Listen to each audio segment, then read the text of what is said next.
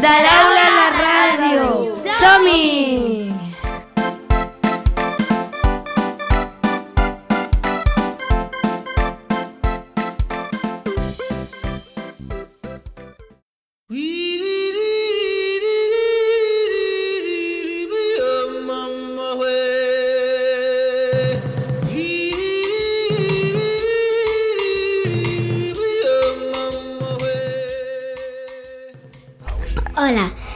la classe de segona, la classe dels capars. Avui us parlarem del projecte que hem fet del nom de la classe. Hem après moltes coses ajudant-nos entre tots. Ens agrada molt el nom de la nostra classe. Quan vam començar a buscar informació del Gapars, ens vam adonar que no en sabíem massa coses. Algú va comentar que era l'animal més ràpid del món, però altres deien que no, que era el, el falcó valaurí, que podia arribar als 300 quilòmetres quan baixaven en picat cap a la seva presa. Era important que comencéssim a buscar informació per saber més coses i resoldre els dubtes que teníem. Hem après moltes coses i ara us en direm algunes. És l'animal terrestre més ràpid del món.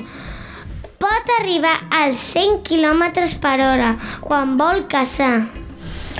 El problema és que es cansa molt ràpid i després d'haver fet aquest gran esforç ha de descansar una bona estona.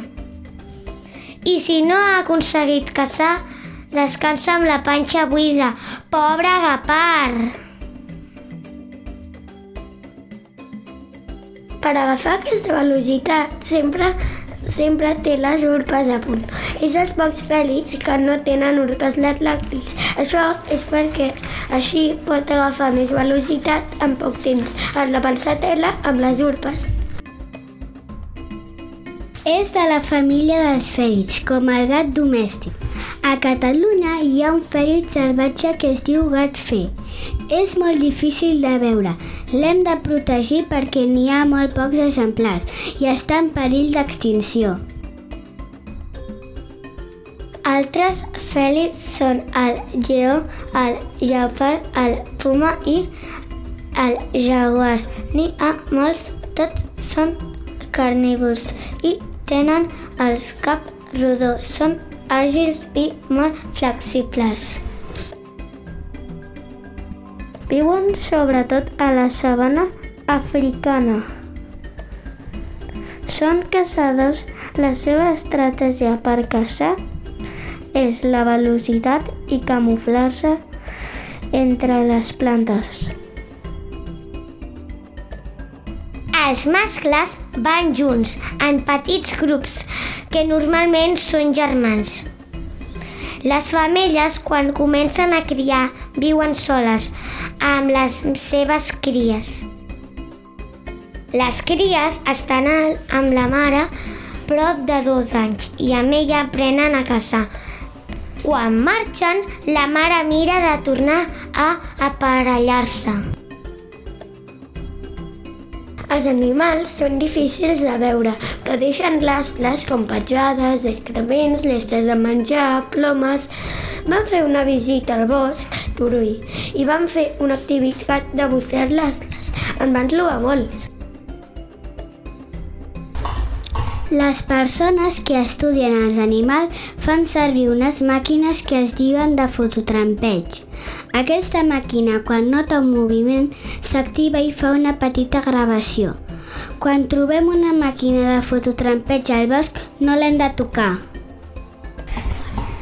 Hem après noves paraules com sigilós, digitígrad, diurn, flexible, retràctil.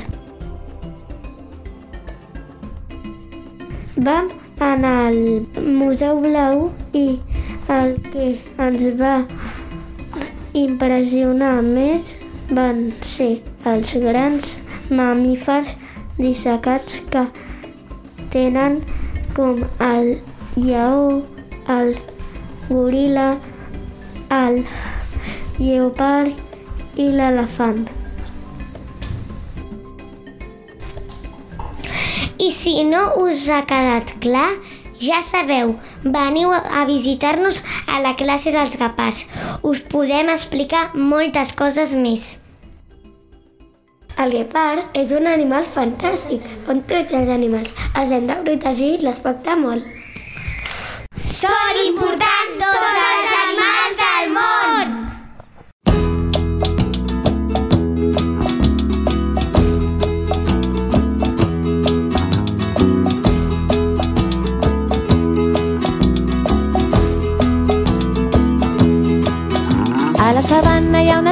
girafa que va passejant. A la sabana hi ha una girafa amb el coll molt llarg. A la sabana hi ha una girafa que va passejant. A la sabana hi ha una girafa amb el coll molt llarg.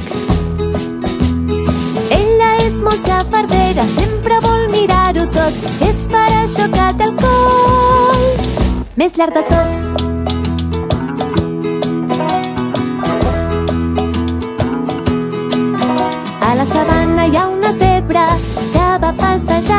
La sabana hi ha una zebra que és molt elegant. A la sabana hi ha una zebra que va passejant. A la sabana hi ha una zebra que és molt elegant.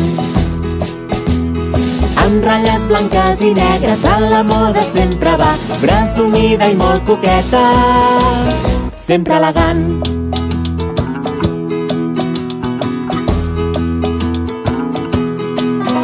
A la sabana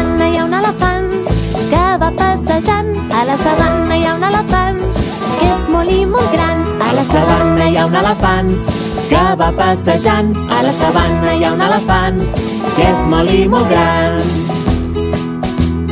Quan juga fet i amagat, se'l veu a l'instant.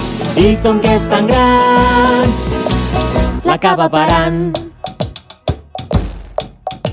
La sabana, a la sabana, a la sabana hi ha molts animals. A la sabana, a la sabana, a la sabana hi ha molts animals. A la sabana hi ha una girafa, la girafa veu l'elefant.